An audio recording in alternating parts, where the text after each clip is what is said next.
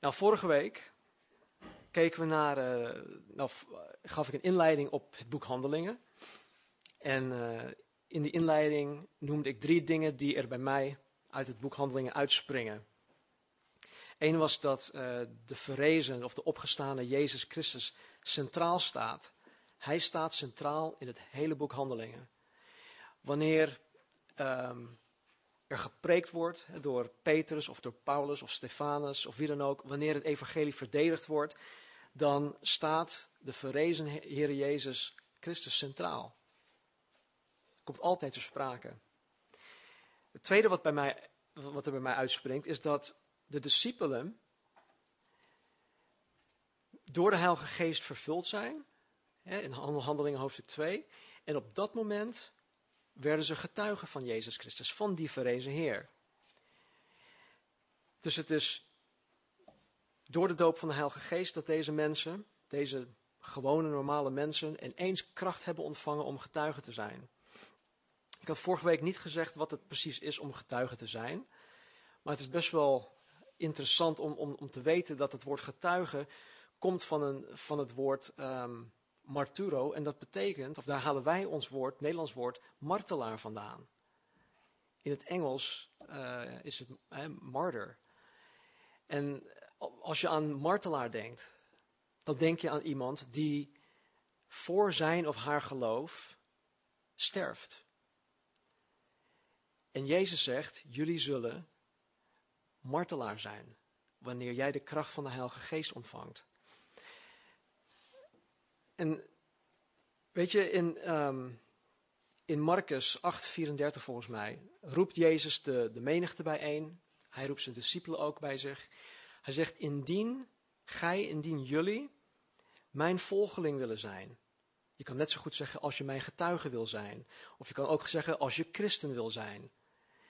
Dan moet je jezelf verloochenen, zegt hij.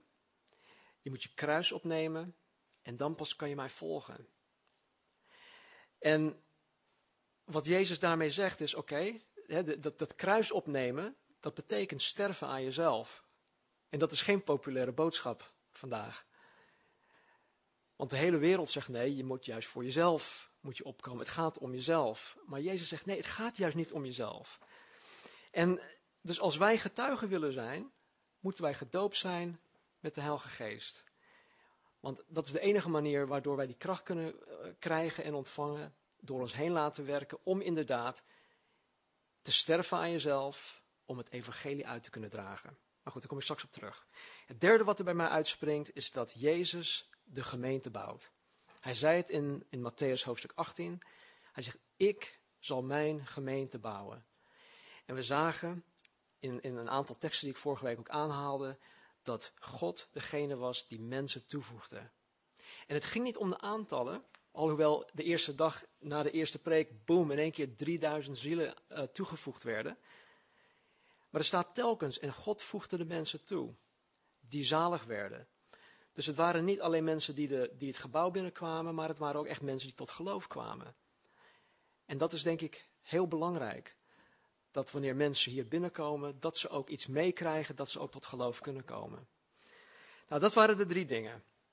Um, we beginnen vandaag ook echt met het boek Handelingen. Maar ik wil eerst een stukje uit uh, Lucas 24 lezen. Lucas 24, en dan beginnen we met vers 44.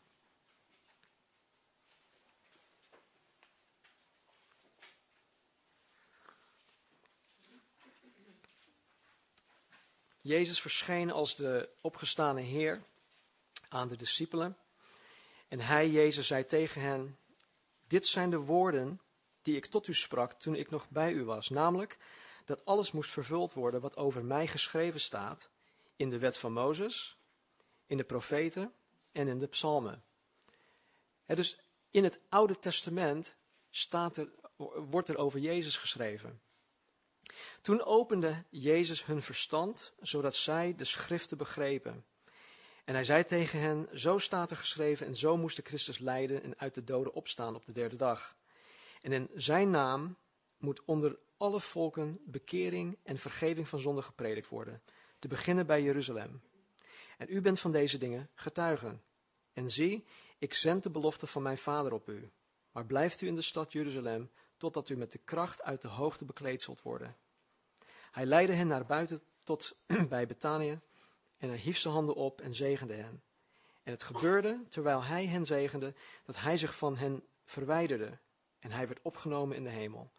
Zij aanbaden hem, keerden terug naar Jeruzalem met grote blijdschap, en zij waren voortdurend in de tempel, terwijl ze God loofden en dankten. Amen.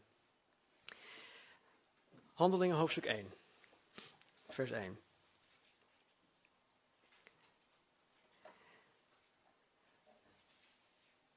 Het eerste boek heb ik gemaakt, o Theophilus, over alles wat Jezus begonnen is te doen en te onderwijzen, tot op de dag waarop hij opgenomen is, nadat hij door de Heilige Geest aan de apostelen die hij uitverkoren had, opdrachten had gegeven. Hij heeft zichzelf, nadat hij geleden had, ook levend aan hen vertoond, met veel onmiskenbare bewijzen, veertig dagen lang, waarbij hij door hen gezien werd en over de dingen sprak die het koninkrijk van God betreffen.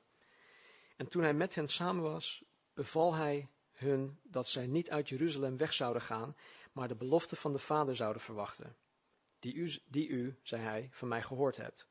Want Johannes doopte wel met water, maar u zult met de Heilige Geest gedoopt worden, niet lang na deze dagen. Zij dan die samengekomen waren, vroegen hem, Heren, zult u in deze tijd voor Israël het koninkrijk weer oprichten? En hij zei tegen hen, het komt u niet toe de tijden of gelegenheden te weten die de Vader in zijn eigen macht gesteld heeft. Maar u zult de kracht van de Heilige Geest ontvangen die over u komen zal. En u zult mijn getuigen of martelaar zijn. Zowel in Jeruzalem als in heel Judea, Samaria en tot aan het uiterste van de aarde. En nadat hij dit gezegd had, werd hij opgenomen terwijl zij het zagen. En een wolk onttrok hem aan hun ogen. En toen zij, terwijl hij van hen wegging, hun ogen naar de hemel gericht hielden, zie twee mannen stonden bij hen in witte kleding. Die zeiden, Galileese mannen, waarom staat u omhoog te kijken naar de hemel? Deze Jezus, die van u opgenomen is in de hemel, zal op dezelfde wijze terugkomen als u hem naar de hemel hebt zien gaan. Toen keerden ze terug naar Jeruzalem van de berg die de Olijfberg genoemd wordt, die vlak bij Jeruzalem is en daar een sabbatsreis vandaan ligt. En toen zij in Jeruzalem gekomen waren, gingen zij naar de bovenzaal en bleven daar, namelijk Petrus, Jacobus, Johannes, Andreas, Philippus, Thomas, Bartholomeus, Matthäus, Jacobus, de zoon van Alfeus, Simon, Zelotus en Judas, de broer van Jacobus. Deze waren allen eensgezind, volhardend in het bidden en smeken met de vrouwen en Maria, de moeder van Jezus, en met zijn broers. Het eerste boek, nou, het eerste boek waar hij het over heeft is natuurlijk het uh, Evangelie van Lucas. Had ik vorige week al gezegd. Uh, Lucas was van beroep een arts. En dat betekent dat hij meest waarschijnlijk een slaaf was. Een slaaf van een, een rijk persoon of van een invloedrijk persoon. want artsen waren destijds slaven. Het is niet zoals het nu is. En zoals bij het evangelie van Lucas schrijft hij wederom aan deze Theophilus. Als je het begin van Lucas leest, dan, dan schrijft hij ook aan hoogachtige of zoiets uh, Theophilus. En Theophilus betekent vriend van God. En sommige mensen zeggen dat vriend van hè, Theophilus is een, ja, is een soort uh, een beeld van, van alle vrienden van God. Dus het evangelie is geschreven aan alle vrienden van God. Het boek Handelingen is geschreven aan alle, alle vrienden van God. Maar andere mensen of andere theologen zeggen nee, Theophilus zou een Romeinse ambtenaar geweest kunnen zijn. Die of Lucas een eigenaar was, of het was iemand die Lucas had vrijgekocht van zijn slavernij. Nou, we weten dus niet 100% zeker wie Theophilus was. Maar als het dus inderdaad voor één persoon was geschreven, zoals het, zoals het er staat. Hè, hij, hij schrijft het aan een Theophilus. Dan moet je nagaan. Lucas heeft zoveel onderzoek gedaan, zoveel tijd en energie erin gestoken om Lucas en dan handelingen te schrijven. En als hij zoveel heeft gedaan voor die ene Theophilus, dat geeft mij dan weer een beeld van hoe God van mij, hoeveel God van mij houdt en hoe, hoe geïnteresseerd God is in mij als individu. Natuurlijk, God heeft de wereld lief. Maar weet je wat? De wereld is vol van individuele mensen, zoals wij hier ook zitten. En God heeft een ieder van ons op het oog. En God gaat zo ver dat hij zelfs deze dingen aan ons gegeven heeft als persoon. Als ik de Bijbel lees, lees ik het, Heer, dit heeft u aan mij geschreven. Dit is uw liefdesbrief aan mij. En zo lees ik het ook. Vers 2. Tot op de dag waarop hij opgenomen is nadat hij door de Heilige Geest aan de apostelen die hij uitverkoren had, opdrachten had gegeven. De opdrachten waarover Lucas hier heeft of spreekt, zijn de opdrachten in de evangeliën.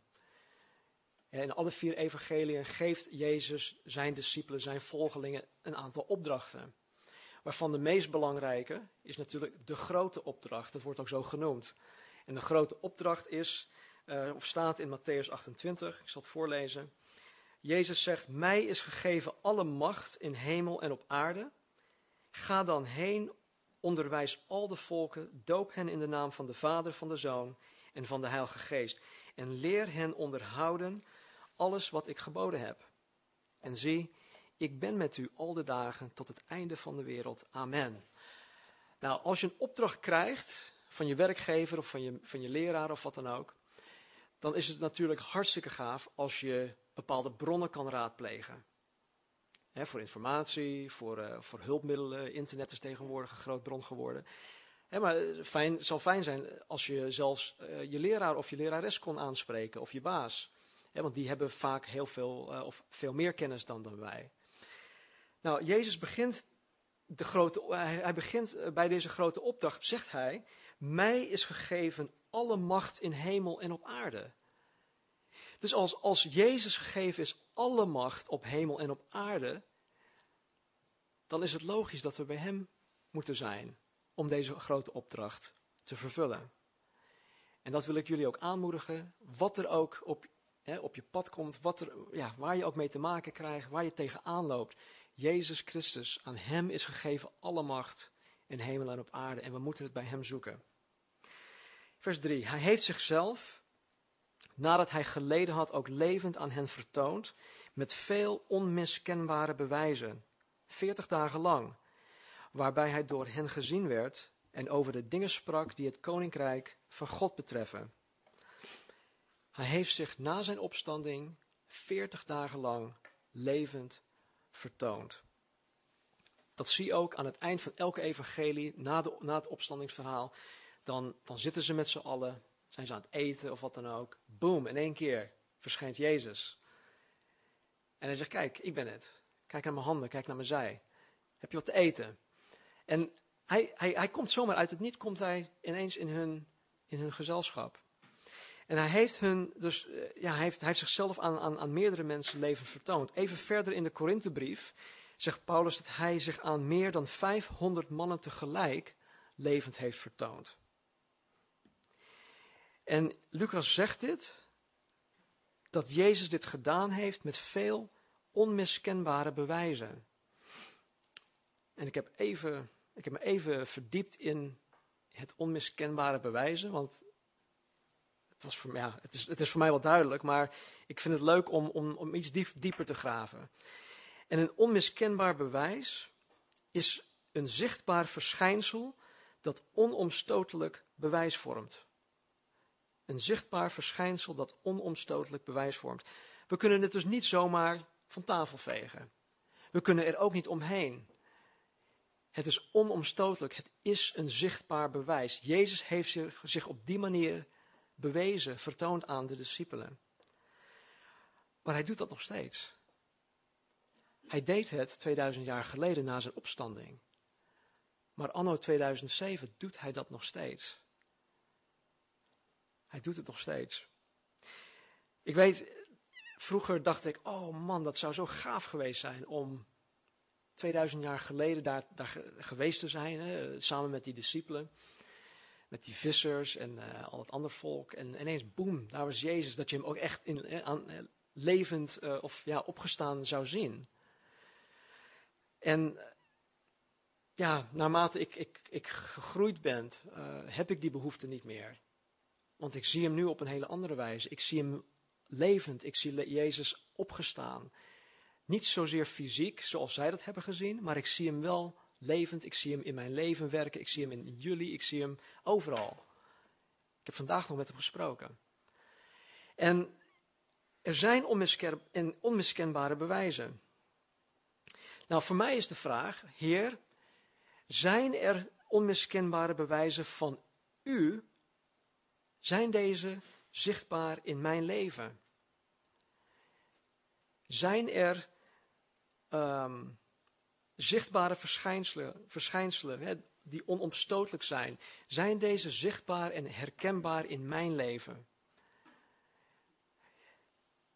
Zijn ze te zien door de mensen om me heen?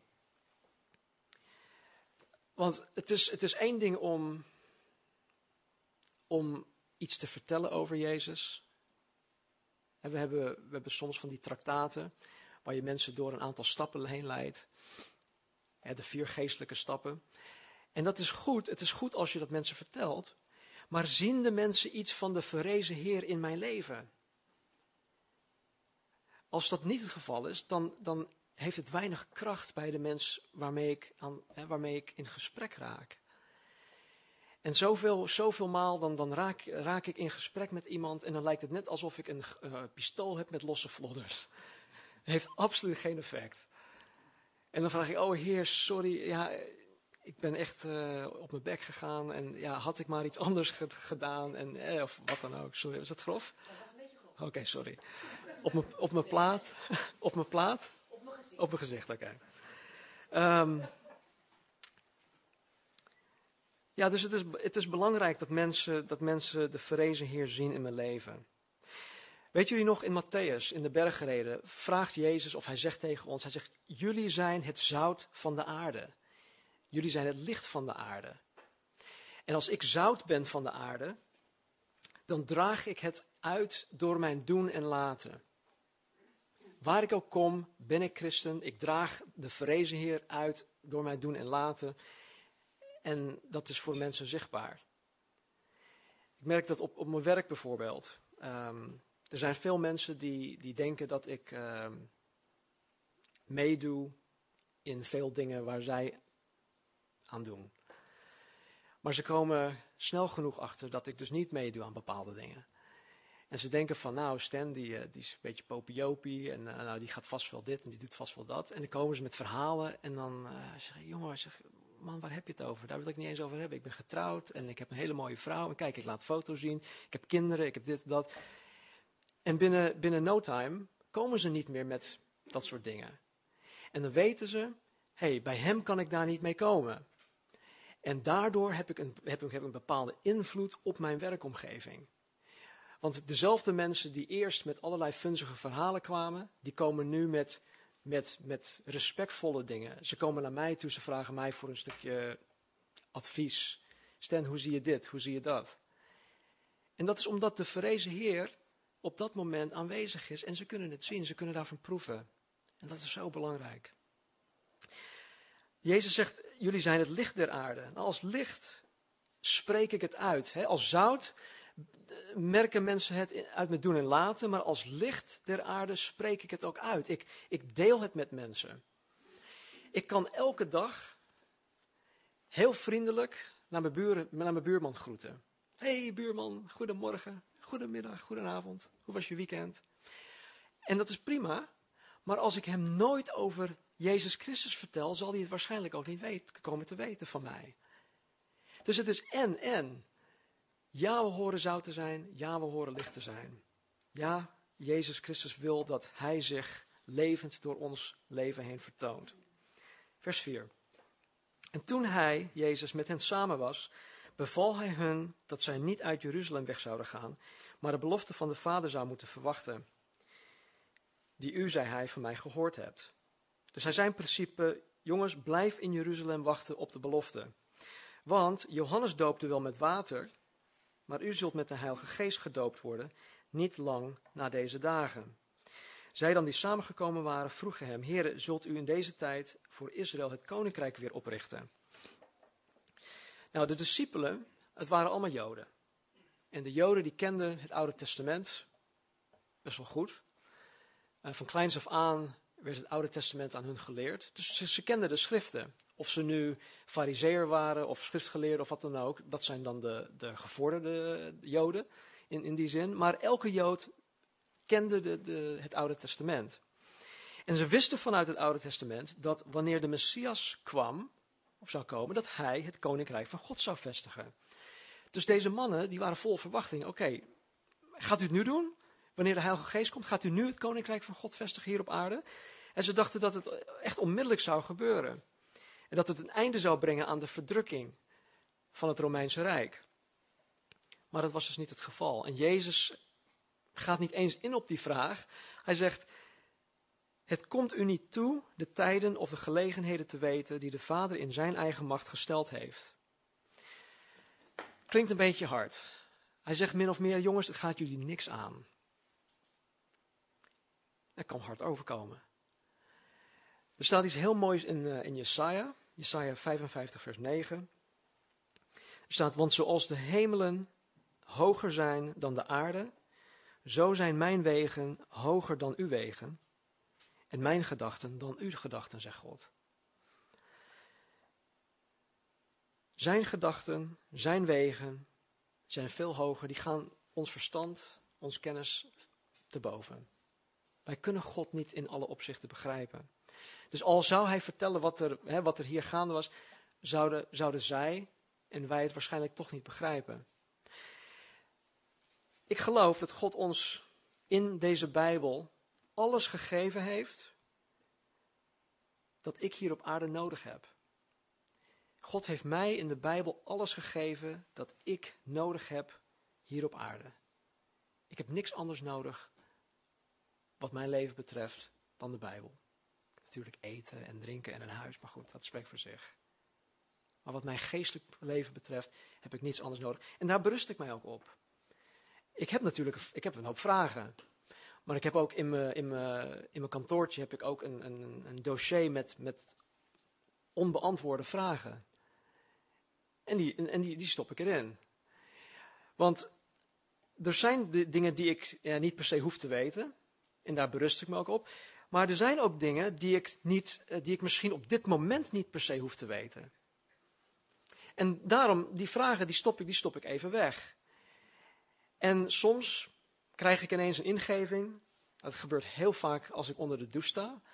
En dan krijg ik een ingeving en hey, dat is een antwoord op een vraag die ik drie, vier jaar geleden in mijn dossier had gestopt. Oh, dank u wel, Heer.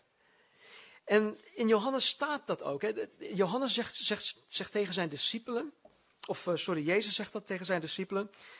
Uh, hij, legt, hij legt uit over de Heilige Geest, wat de Heilige Geest gaat doen, zijn werk in ons en onder ons.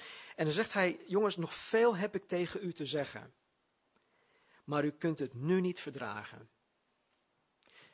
Dus Jezus wil graag, hij wil ons graag dingen zeggen, hij wil ons graag dingen vertellen, maar hij zegt, jullie kunnen het nu nog niet verdragen. Dus wat doet hij het? Hij zet het even in de koelkast. En wanneer we bereid zijn om dat wel te kunnen verdragen, dan geeft hij het. Opent hij ons verstand. Dan geeft hij het aan ons. En dat is, dat is hartstikke gaaf. Vooral als, vooral als je dat meemaakt. Hè. Je hebt een vraag, oh man, dat is zo gaaf. En ineens krijg je het. Nou, dat is gewoon, dat is gewoon kicken. Maar goed, Jezus zei het ook dat het ook zo gebeurt. Dus hij omzeilt de vraag van, uh, gaat u nu het koninkrijk um, oprichten? En hij zegt, nou, het is niet uh, aan jullie om dat te weten, maar, zegt hij, u zult de kracht van de Heilige Geest ontvangen die over u komen zal. En u zult mijn getuige zijn, zowel Jeruzalem als in heel Judea en Samaria en tot aan het uiterste van de aarde. En in dit vers denk ik, vind ik, zie ik, dat ja, dit vers behelst in principe het thema van het boek Handelingen. Dat normale mensen door middel van de kracht van de Heilige Geest de hele wereld ondersteboven hebben gezet met het evangelie. En dat zullen we in elk hoofdstuk zullen we daar iets van zien. Maar hij zegt, u zult kracht ontvangen. Kracht. Um, tijd geleden las ik in een commentaar over dit stukje. En hij haalt een, uh, een voorbeeld aan over een stoomlocomotief. Nou, die gebruiken we tegenwoordig niet meer. Althans niet hier. Maar jullie weten wat een stoomlocomotief is, hè? Door kool wordt water opgewarmd, stoom wordt opgebouwd. Dat drijft uh, bepaalde dingen aan en de trein gaat naar voren. Nou, ik las in dit commentaar dat de stoom in een stoomlocomotief niet bestaat of het wordt niet uh, ja, opgewekt of gemaakt of aangemaakt, om de fluit af te laten gaan. Ze doen, niet, ze doen het niet allemaal, alleen maar om te lekker, lekker te fluiten met dat ding. Nee, de stoom, wordt, uh, de stoom bestaat om de trein te laten bewegen. Het bestaat voor de voortstuwing van die trein. En de, ja, de gelijkenis is, is, dat de kracht van de Heilige Geest is, is, is ons niet gegeven om ja, eh, voor vertoon van, uh, van het spectaculaire. Van, hé hey jongens, ik ga mijn eigen fluit, hoe zeg je dat? Blow my own whistle. Help me, come on. uh, ja, het is niet om, om, om, om, om, om mij de aandacht te laten krijgen. Het is niet om het spectaculaire te doen. De Heilige Geest is gegeven ter verspreiding van het evangelie. Jezus zei ook dat de Heilige Geest van Jezus zal getuigen. En niet van mensen, maar van Jezus. Nou, en zoals wij in handelingen ook zullen zien, maakt deze kracht, de kracht van de Heilige Geest, de discipelen het mogelijk om het evangelie te verspreiden. En het model die we hierin terugvinden, willen wij ook als gemeente navolgen. Oké, maar kracht. Wat is kracht? Kracht is vermogen. Kracht is capaciteit. Kracht is uh, het in staat stellen van. En ja, onder vermogen kan je zeggen van ja, het kunnen. Het, het erover na kunnen denken. Het leren. Uh, over capaciteit kan je denken aan geschiktheid of bekwaamheid. Of ben je gewoon in staat gesteld om dit te doen? Nou, als mens zijnde kan ik heel makkelijk zeggen: ik kan het niet. Ik kan geen getuige zijn. Ik heb het denkvermogen niet om een getuige te zijn. Ik kan Bijbelteksten nauwelijks onthouden. Ik ben niet goed in leren. Ik kan deze dingen allemaal niet. En wie ben ik om getuige te zijn van Jezus Christus? Ik ben daar helemaal niet geschikt voor. Of ik ben niet in staat om getuige te zijn. Ik heb het veel te druk met mijn carrière, met school, met de sportschool, mijn hobby's. Um, noem maar op, vul het maar zelf in. Ik, kan het niet. Misschien wil ik het ook niet. Ik laat het getuigen zijn wel aan de voorganger over. Uiteindelijk is het zijn job. Is het niet? Het is ons job. En maar als je dat zegt, dan heb je volkomen gelijk. Want ik kan dat niet. Ik kan geen getuige zijn. Ik kan geen martelaar zijn voor mijn geloof. Want het is niet martelaar zijn van jongens, maak mij maar af, dan is het over, ik sterf nu voor mijn geloof. Nee, het is dagelijks sterven voor mijn geloof. En toch leven. Jezelf als een levend, welgevallig offer geven aan de Heer. En dat is een hele trage dood. Dat is snijden, snoeien, hier een stukje knippen, daar een stukje wegknippen. Soms is het hakken. Maar het is een langzame dood. En het, soms, soms doet het heel veel pijn. En dat kan ik niet uit mezelf. En dat wil ik ook niet uit mezelf. Dus de kracht die wij ontvangen van de Heilige Geest om getuige te zijn, om dagelijks te sterven aan mezelf, dat hebben we gewoon nodig. En ik dank God dat Hij Handelingen 1 vers 8 heeft gegeven, de profetie, dat Handelingen 2 is gebeurd en dat we vandaag de dag, Handelingen heeft 28 hoofdstukken, dat wij vandaag de dag vanaf Handelingen 28 gewoon het boek nog steeds aan het schrijven zijn. In en door de kracht van Gods geest. Vers 9. En nadat hij dit gezegd had, werd hij opgenomen terwijl zij het zagen. En een wolk ontrok, hun, hem aan hun ogen. Dan stel je voor, het allerlaatste dat deze discipelen Jezus zien doen, is de lucht ingaan. Ik lees daar heel vaak gewoon overheen. Oh ja, nou, dat gebeurde. Maar stel je voor, ik sta hier nu en jullie zien mij de lucht ingaan. Gewoon dwars door het plafond en, en ik denk niet dat jullie zo rustig hier blijven zitten. Het, is gewoon een, het was een wonder, het was een bovennatuurlijk iets dat, dat daar gebeurde. En zo, met die indruk, heeft, heeft Jezus hun achtergelaten. En toen zij, terwijl hij van hen wegging, hun ogen naar de hemel gericht hielden, zie twee mannen stonden bij hen in witte kleding, die ook zeiden, Galileese mannen, waarom staat u omhoog te kijken naar de hemel? Deze Jezus, die van u opgenomen is in de hemel, zal op dezelfde wijze terugkomen als u hem naar de hemel hebt zien gaan. De discipelen hadden met eigen ogen gezien dat Jezus opsteeg en door de wolken heen verdween. Nou, ze stonden daar. Ik weet niet met hoeveel ze waren, maar ze stonden daar echt gewoon te staren naar de hemel. Want ze dachten misschien, nou, hij is, hij is opgenomen, misschien komt hij elk moment weer terug. En ik kan me heel goed voorstellen dat ze dus echt aandachtig, starend naar boven keken. En wauw, waar, waar, is die? Zie jij hem? Zie jij hem? We zien hem niet. En, en ineens staan er twee engelen die zeggen, jongens, het heeft geen zin. Hij komt terug op dezelfde manier, op dezelfde plaats. Maar niet nu. En Jezus komt ook terug. Ik ga er vanmorgen niet te ver op in, maar ik wil hier wel mee afsluiten. De Bijbel leert ons dat Jezus Christus voor een tweede keer naar de aarde zal komen. Het leert ons ook op welke manier. Voor degenen die eh, notities maken, hier, ik heb drie um, Bijbelteksten. Zachariah 14, vers 4. Zachariah 14, vers 4. Uh, Matthäus 24, vers 30. Matthäus 24, 30. En Openbaring 1, vers 7.